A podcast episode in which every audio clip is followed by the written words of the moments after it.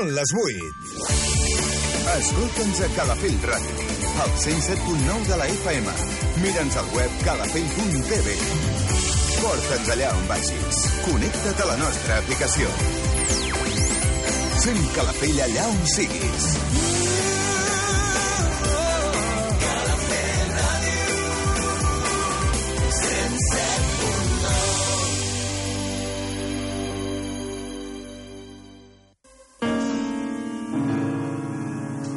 L'Hora del Jazz. Un programa que t'apropa als millors compositors i les obres del gènere més rellevants.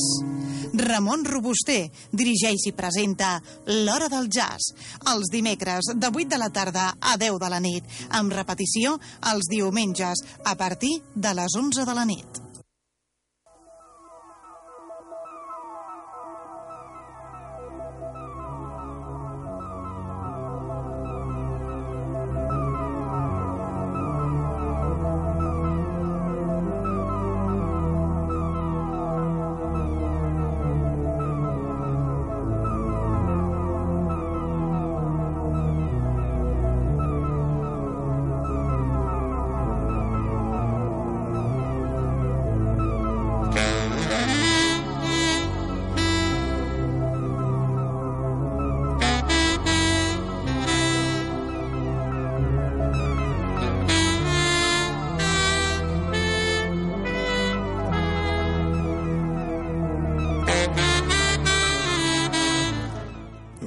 Jazz.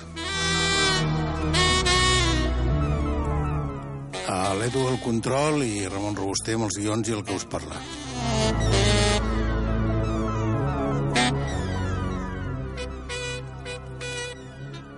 Avui retornem una mica amb aquest concepte que havíem intentat des de fa, un, des de fa uns anys que hem començat amb les dues hores de l'hora del jazz, eh, que era portar en primer lloc una, un, un disc eh, de fa uns anys, de, un disc eh, que, que no és cap novetat, sinó que és una, una peça que considerem interessant de poder posar al programa important, eh, i avui ho farem. Eh, fa un temps vam fer un especial molt llarg amb tot el que en aquells moments pràcticament, bueno, tot no, hi va haver alguns àlbums que no els van posar eh, eh, per, per degut a la mort del senyor Paul Blay.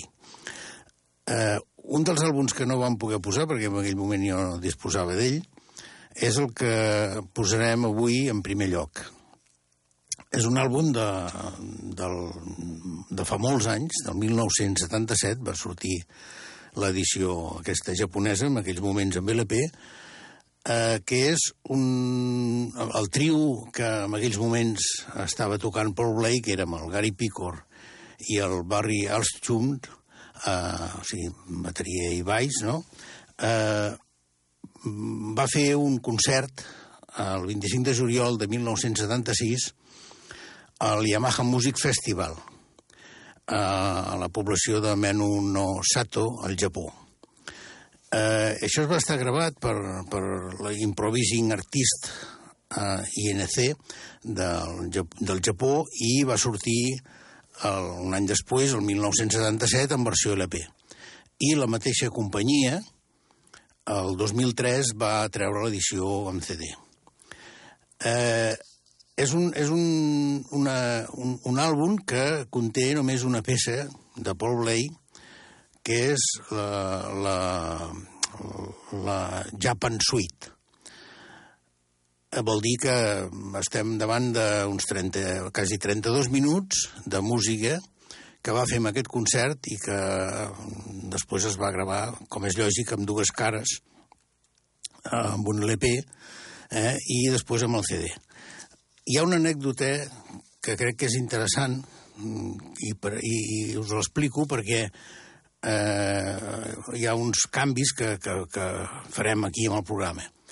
L'edició de l'EP hi va haver un error amb l'edició d'aquest LP i es va posar a la cara 1 el que corresponia a la cara 2, per ordre de tal com va estar tocat. A més a més, per acabar d'arreglar, aquests personatges que van fer aquesta, aquest àlbum van incloure eh, aplaudiments entre les dues peces, entre els dos trams. No les dues peces, perquè és una sola peça, sinó entre la cara A i la cara B. Cosa que no, que no va ser així, en realitat, no? sinó que els aplaudiments doncs, devien ser al començament i al final. Eh, I a més a més ho van invertir, perquè ho heu d'arreglar, no? Eh, I amb el CD ha passat el mateix, o sigui que a més a més, de, bueno, eh, eh, no, no acabo d'entendre el concepte de, de per què després, el 2003, traient la versió en CD, doncs van tornar amb el mateix sistema. Poder per coherència amb la versió original, però bé, jo no acabo d'entendre el tot això, no sé, no em vull posar amb la mentalitat dels japonesos perquè per mi és molt complicada. Però sí que Eh, això està escrit, està, ho podeu trobar, aquesta informació, amb, amb importants webs relacionades amb, amb la música de Paul Blay, relacionades amb, amb el jazz en general, i és una anomalia que val la pena ressaltar. Per tant, jo el que faré serà posar-ho en ordre jo. El que no farem, perquè això eh, bueno, és, és una, és, és, no té massa importància, eh, i perquè el mateix és treure aquest, aquests aplaudiments. Això ja no cal fer-ho perquè així també veureu a on se va tallar el primer tram i on se va començar el segon. Però sí que nosaltres ho farem al revés. Doncs començarem per la, el que és la segona part, amb els, tant amb l'LP com amb el CD, i eh, amb la, ho posarem al revés. Posarem la segona part a la primera i la primera a la segona. Anem per, anem per aquest àlbum, que, com us dic, va estar gravat al Yamaha Music Festival el 25 de juliol de 1976 i que, més, a més a més, hi ha un altre, eh, un altre afegit, que és que es veu que no sé ben bé per quines causes, però eh, aquest concert va, va tardar molt a començar, va, va començar molt tard, va començar a la mitjanit, tot arreu diuen que és un concert de mitjanit. Eh, això eh, al Japó és, és, és un tema important perquè crec que aquests horaris no són massa habituals per ells, no? I, és clar hi havia un ambient, un ambient eh, eh, evident eh, d'una certa tensió, no? Eh, això va provocar que aquest eh, fantàstic trio eh, posés més eh, la, la, posés la màxima intensitat eh, amb, amb, amb, amb tocar i va ser una de les gravacions que, que, que, es, que es recorden del trio, de les més, diuen les cròniques, de les més ardents eh, i notables de gravació d'aquest trio. Eh, per aquest motiu he volgut portar ja, com aquell moment, quan vam fer tot aquest repàs de la música de, de Paul Blay, no el, vaig, no el tenia, no el disposava, no vam poder escoltar-lo, doncs avui ho sentirem eh, d'aquesta manera. Tots de les dues parts seguides i amb l'ordre que realment es va tocar, que és la segona part del de, de la segona part, doncs la primera i la primera a la segona. Uh, Paul Blay, Gary Picor i Barry Alstrom amb uh, la suite, la Japan Suite.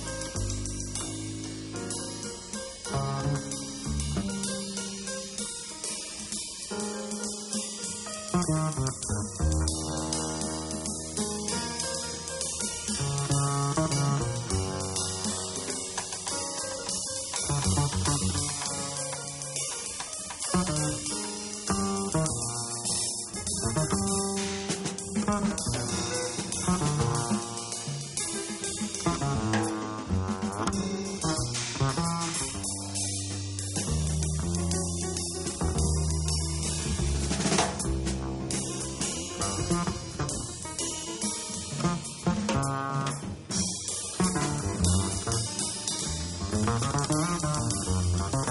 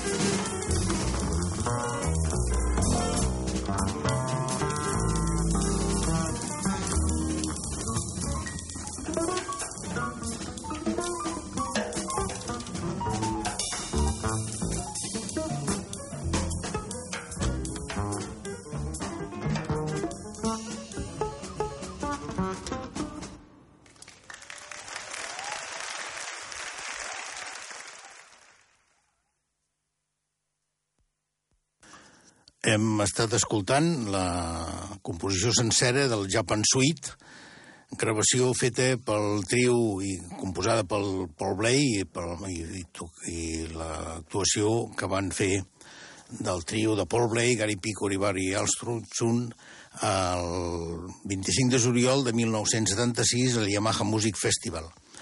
Uh, com, com és lògic aquí, el, el Paul Blay tocava un Yamaha, no? Tocava un piano Yamaha. Això consta, consta amb el, amb el CD que hem escoltat, que com us deia va ser una edició del 2003, i la primera edició va estar feta el 1977, un any més tard, eh, en versió de l'EP. Eh, jo trobo a faltar aquestes gravacions actualment, no? Eh, primer, música en directe, importantíssim, i segon, aquest nivell de, de, música, de música i de, i de, i de músics i aquestes improvisacions brutals d'aquest trio que hem escoltat, eh, la veritat és que la, la, la trobem a faltar. Eh, hi ha molta música així, ja gravada, de fa anys, com aquest, que hem portat avui, i que continuarem fent sempre que les novetats no ens apretin massa, perquè n'hi ha tantes que no, no, no, no tenim massa la possibilitat de portar peces com aquesta. Però bueno, avui ho hem fet ho hem disfrutat. I anem a seguir amb un altre trio, i amb un altre trio també amb una, amb una història important, que és el trio de la senyora Iro Harla, eh, aquesta finlandesa que eh, hem portat ja en diverses ocasions, sobretot amb les últimes gravacions de CM, i que eh, ha fet una història que jo crec que amb, amb aquest àlbum que escoltarem i que anirem comentant durant la, la, les peces que sentirem, que és el següent. Aquí he agafat eh, el Ulf Krog, Krogfors eh, amb el, com a baixista i el senyor Barry Alstrom, que és el bateria que hem sentit abans eh, ha, sigut, ha sigut realment una certa casualitat, això de que portés, eh, el, bueno, que amb el mateix dia de l'audició de l'Hora del Jazz tinguéssim eh, amb aquest músic. La veritat és que són 76 anys d'aquest eh, extraordinari bateria nord-americà, eh, vull dir que actualment té 76 anys i, com és lògic, amb la, amb la gravació que hem sentit abans amb el Paul Blay, era molt més jove, no? Eh, per què ha triat la Hiro Arla amb aquesta bateria? Eh, la història ve per lo següent. Aquest àlbum, que s'anomena Haron Again, eh, és tot música de Carla Bley. És dels primers anys de, dels primers llibrets de Carla Bley, crec que es, es tracta dels anys 60, per dir. Eh, I hi ha 12 composicions, eh, algunes conegudes, algunes les sentirem, algunes no tan conegudes, però aquest trio fa una interpretació de la música de Carla Bley d'una manera extraordinària. I jo crec que és un dels àlbums també importants que van aparèixer l'any passat, el 21 de juliol del 2018, i que eh, no, no recordo masses ma, ma, masses eh, gravacions dedicades precisament a la música eh, de Carla Bley. Eh, no sé, possiblement n'hi hagi alguna més, però jo no, no la recordo. Aquesta jo crec que és molt important i que valia la pena portar-la al programa i escoltar unes quantes composicions d'aquestes 12. Eh, intentarem sentir unes 6 d'aquestes 12 perquè el tio aquest és realment extraordinari.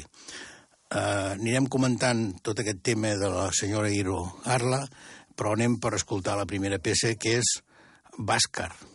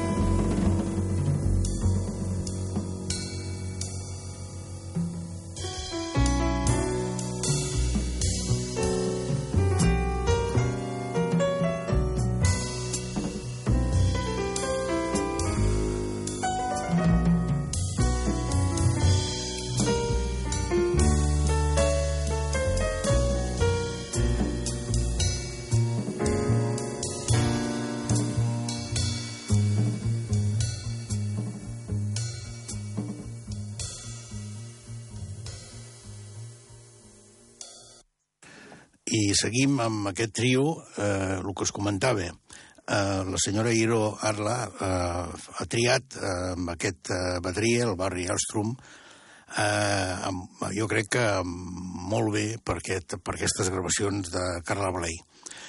Eh, Barry Alstrom, com hem comentat abans, durant molts anys va ser eh, un dels components del, del trio de, de Paul Bley. Paul Bley era el marit de la Carla Bley, no? I interpretava molta música de la seva dona, de la Carla, i, a més a més, eh, peces realment complicades i difícils eh, en aquells moments, eh, bueno, i sempre, no?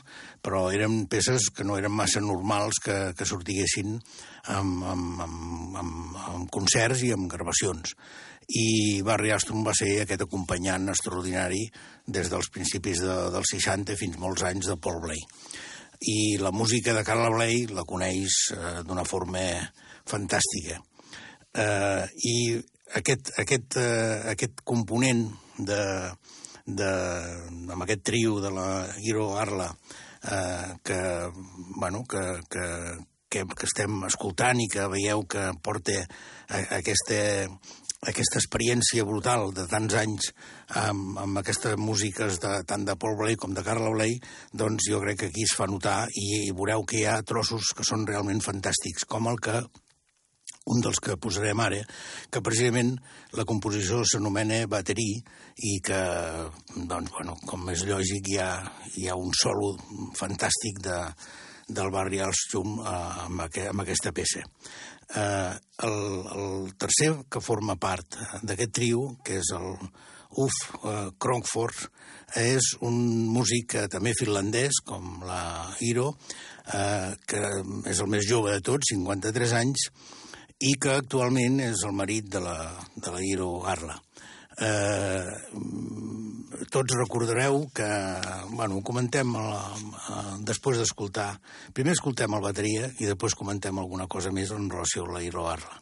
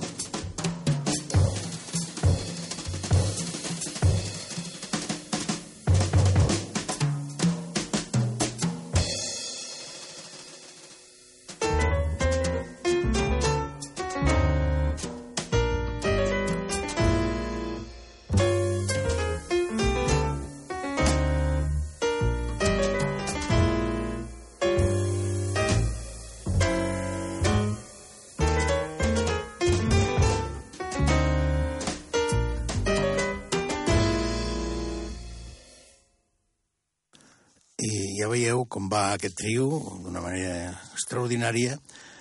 Eh, el que us comentava mm, de la senyora eh, Iro Arla. Eh, va ser, durant molts anys, la, va tindre després el Eduard eh, Besala. Eduard Besala el coneixeu, eh, un bateria extraordinari, amb un currículum de música i de composicions també extraordinària, i que ella va col·laborar amb l'arranjament de moltes d'aquestes composicions, tant per coses de teatre com per pel·lícules, com per coses d'orquestra, eh, amb, diverses, amb diverses gravacions. Inclús hi ha, eh, bueno, hi ha dintre de ECM hi ha quatre àlbums, els quatre primers que entre ella a formar part de CM estan amb, amb el Eduard Besala eh, que són els, els, els primers, no?, des de, bueno, des de, eh, de, de, de molts anys, en, en, no sé, ara no recordo la data, la, la, la data del primer, però el segon em sembla que era sobre el 89, 91, en fi. I després hi ha tres gravacions més, hi ha ella com a líder a partir del 1999, en el que Eduard Bessala va morir, amb, em sembla que amb 54 anys, i eh, llavors ella va començar a agafar el liderat de totes aquestes composicions que també ella ha, ha fet i els arranjaments. Eh, també val a dir que eh, toca també l'arpa i té estudis de, de música clàssica a l'Acadèmia Sibelius de, d'Helsinki i també va estudiar improvisació de jazz, també a Helsinki, eh, bueno, eh, porta un currículum extraordinari que el podeu eh, seguir, si voleu, i que porta a músics com Sibelius, Ravel o Verdi, eh, o Arbol Part, per exemple, també, no? doncs, dintre del seu currículum de músics clàssics o compositors que ha interpretat i que ha tocat, i aquests àlbums que us dic, aquests tres últims de ECM, que eh, dos d'ells ja els hem posat al programa, ens falta l'últim, que jo crec que és molt, que deu ser molt interessant, no, no l'he pogut escoltar, que és el Ante Lucem, que està fet eh, amb, amb un quintet i, i, i amb, la, amb una filharmònica junt de, de Junca. Eh, bueno, intentarem trobar-lo i si eh, portar al programa per anar seguint una mica la història d'aquesta aquesta pianista extraordinària. I ara anem amb el que us deia, una de les composicions conegudes, una de les molt, de les molt conegudes de Carla Bley, que és el Lida Lupino.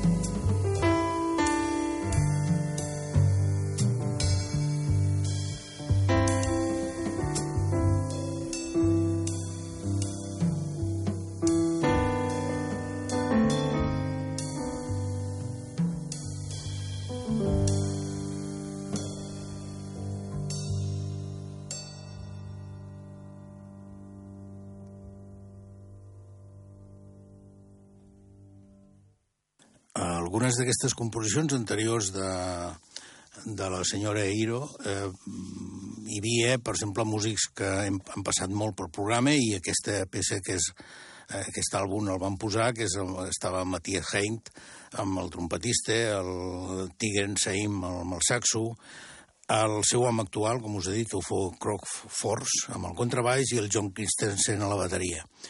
Uh, D'aquest àlbum i de, i de la història una mica de el John Kellman, uh, a la revista a la Jazz, va escriure, un, va fer una frase que està molt bé i us la repeteixo, que és l'escriptura fluida de Harla eh, eh, és profundament melòdica. Això és el que estem també sentint amb aquest àlbum, tot i que no, no és música d'ella, no? Però eh, reté una certa melancolia, melancolia freda que reflexa les arrels del nord. Això crec que passa a molts d'aquests músics dels països nòrdics i és una de les característiques que a mi personalment m'agraden molt, no?, de tots aquests músics. Anem per uh, la següent, que és una altra composició, com totes, les 12 que hi ha en aquest àlbum, de Carla Bley, que és en nou de Queen.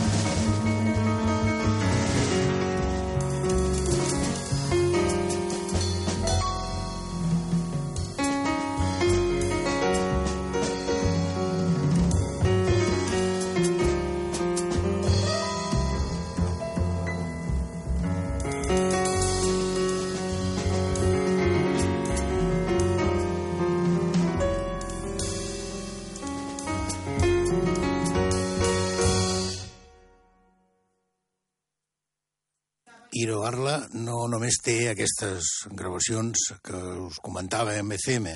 El seu currículum està sobre les 30 i alguna 31, 32 gravacions, eh, una bona part imp molt important feta amb el seu exmarit, com us deia que va morir el 1999, Eduard Bessala, i després ja amb diferents aportacions amb diferents músics i finalment aquestes tres ja dedicades, eh, bueno, ella com a líder i, amb, amb, i que eh, eh, eh, últimament des del 2011 fins a l'actualitat ha fet dues amb, amb BCM i eh, com a líder i algunes més amb, amb altres segells.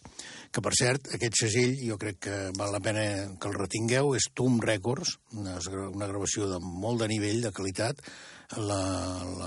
l'etiqueta, eh, la referència és TUM CD 054, crec que només s'ha editat en CD, va estar gravat l'11 de novembre del 2015 a Finlàndia, al Fin Fox del Helsinki, a Finlàndia, i porta eh, unes, unes 35 pàgines de fotografies i d'ensajos sobre la música de Carla Bley, i sobre els artistes relacionats amb la Carla Blay. Per tant, és un document molt important i molt valiós i jo crec, com us deia al començament, dels pocs que conec eh, dedicats a la música de Carla Blay.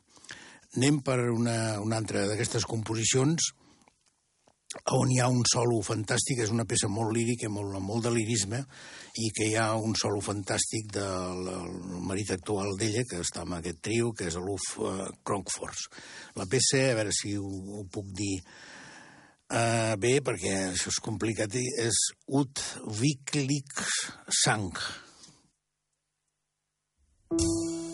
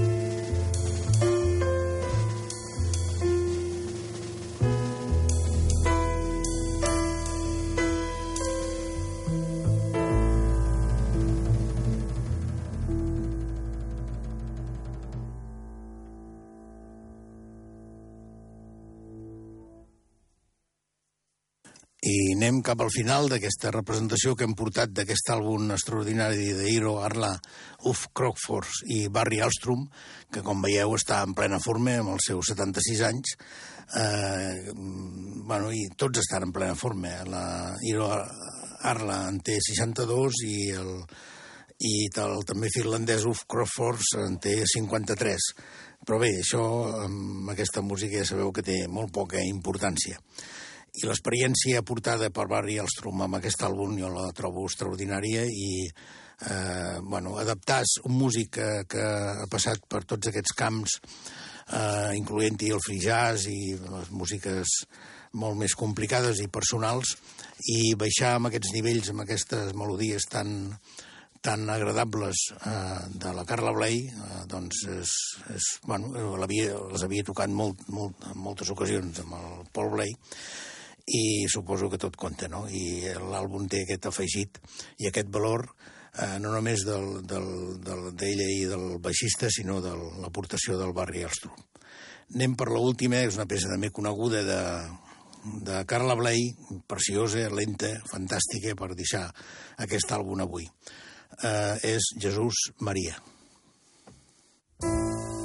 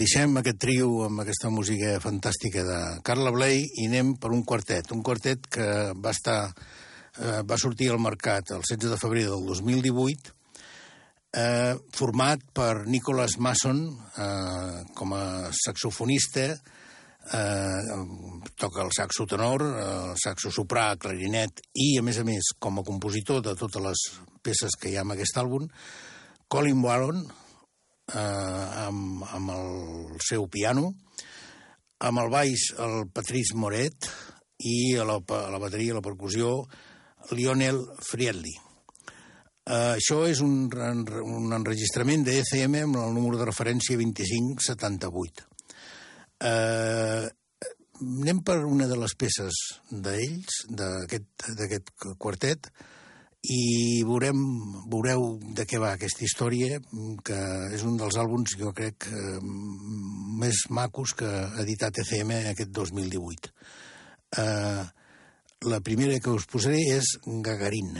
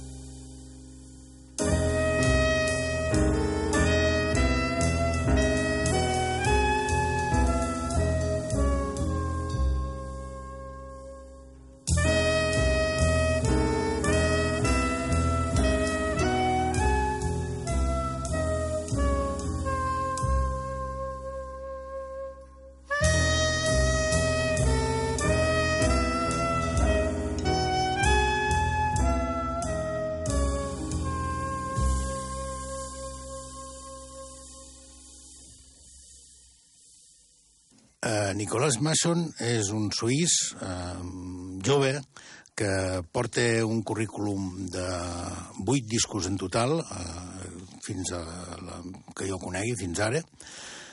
Eh, podeu entrar a la seva web, la trobareu sense cap dificultat i veureu que és una web de les que estan ben dimensionades, ben, ben fetes, per tindre una informació sobre el músic. Eh, D'aquests vuit àlbums n'hi ha dos que són un el 2013 i l'altre el 2015 ja amb l'editorial ECM, com és aquest últim que, que estem escoltant avui. Eh, els dos primers estaven formats per un trio eh, una mica especial, ell a la trompeta, el Roberto Bianca a la guitarra i l'Emanuele Minuscalo al piano. I és un, un, un trio que s'anomenava, s'autonomenava Tirt Rill. Uh, aquest, trio va fer aquestes dues primeres aportacions a ECM i ara hi ha un canvi, com veieu, total amb Colin Wallon, Patrick Moret i Lionel Frielli. Uh, hi ha una formació de, de quartet.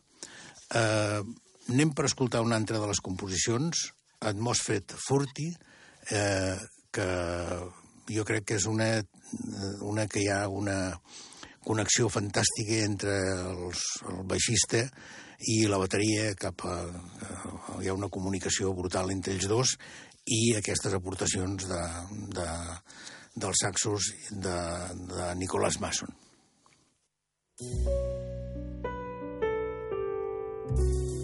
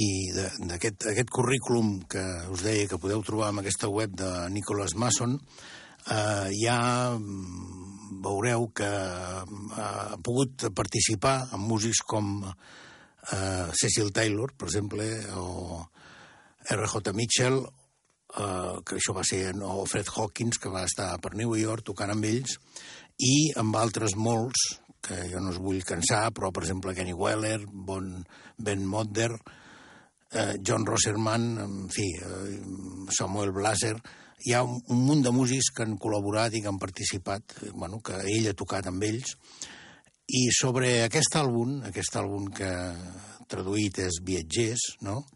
Eh, el senyor Mason diu, eh, ell mateix ho explica, diu, vaig escriure cada cançó en relació amb algú que he conegut. Diu, aquestes peces no són retrats musical d'aquestes persones, sinó una reacció a la seva energia específica. Mm, bueno, eh, està molt clar, està molt clar, però però també és molt difícil d'entendre, no? Eh, descobrir aquesta energia i plasmar-la en música és molt complicat.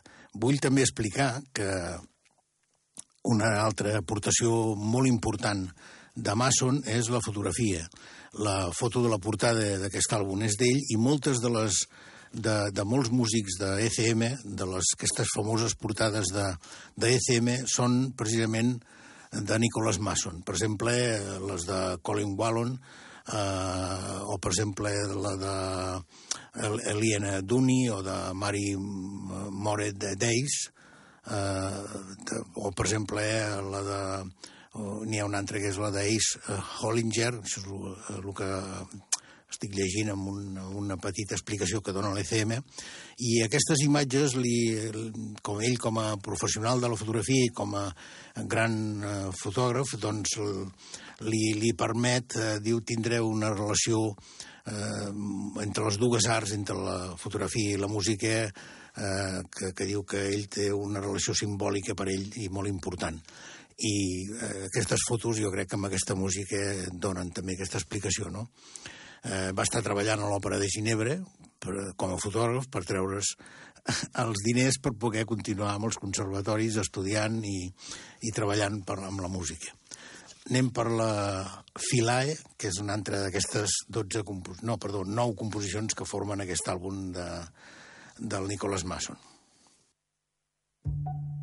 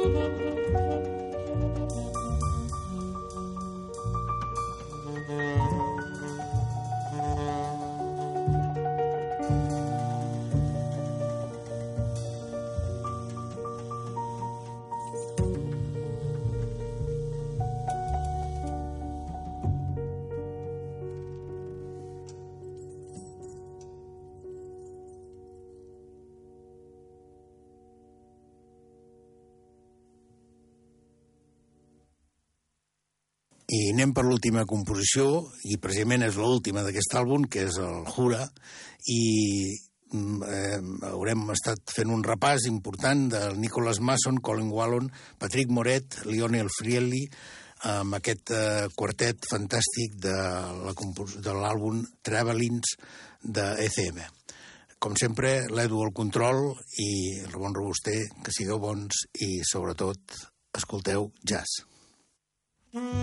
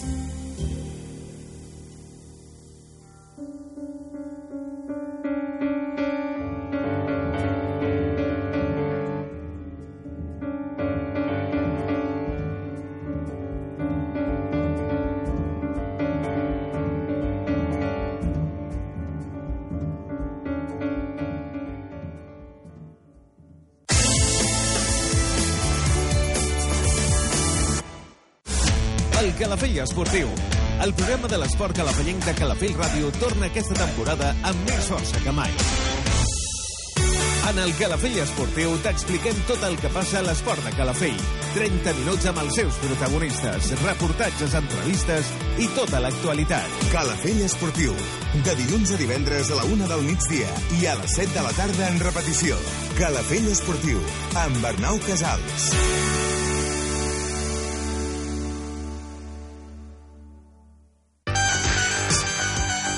Nostàlgia, la millor selecció musical dels anys 60 i 70, de la mà d'un gran entès en la matèria, en Josep Cosidó.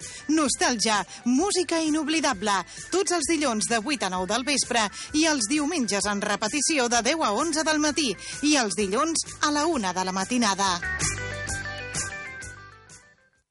Estàs només a un pas per donar a conèixer el teu negoci a tot Calafell. 977 69 44 44. Anuncia't a Calafell Ràdio.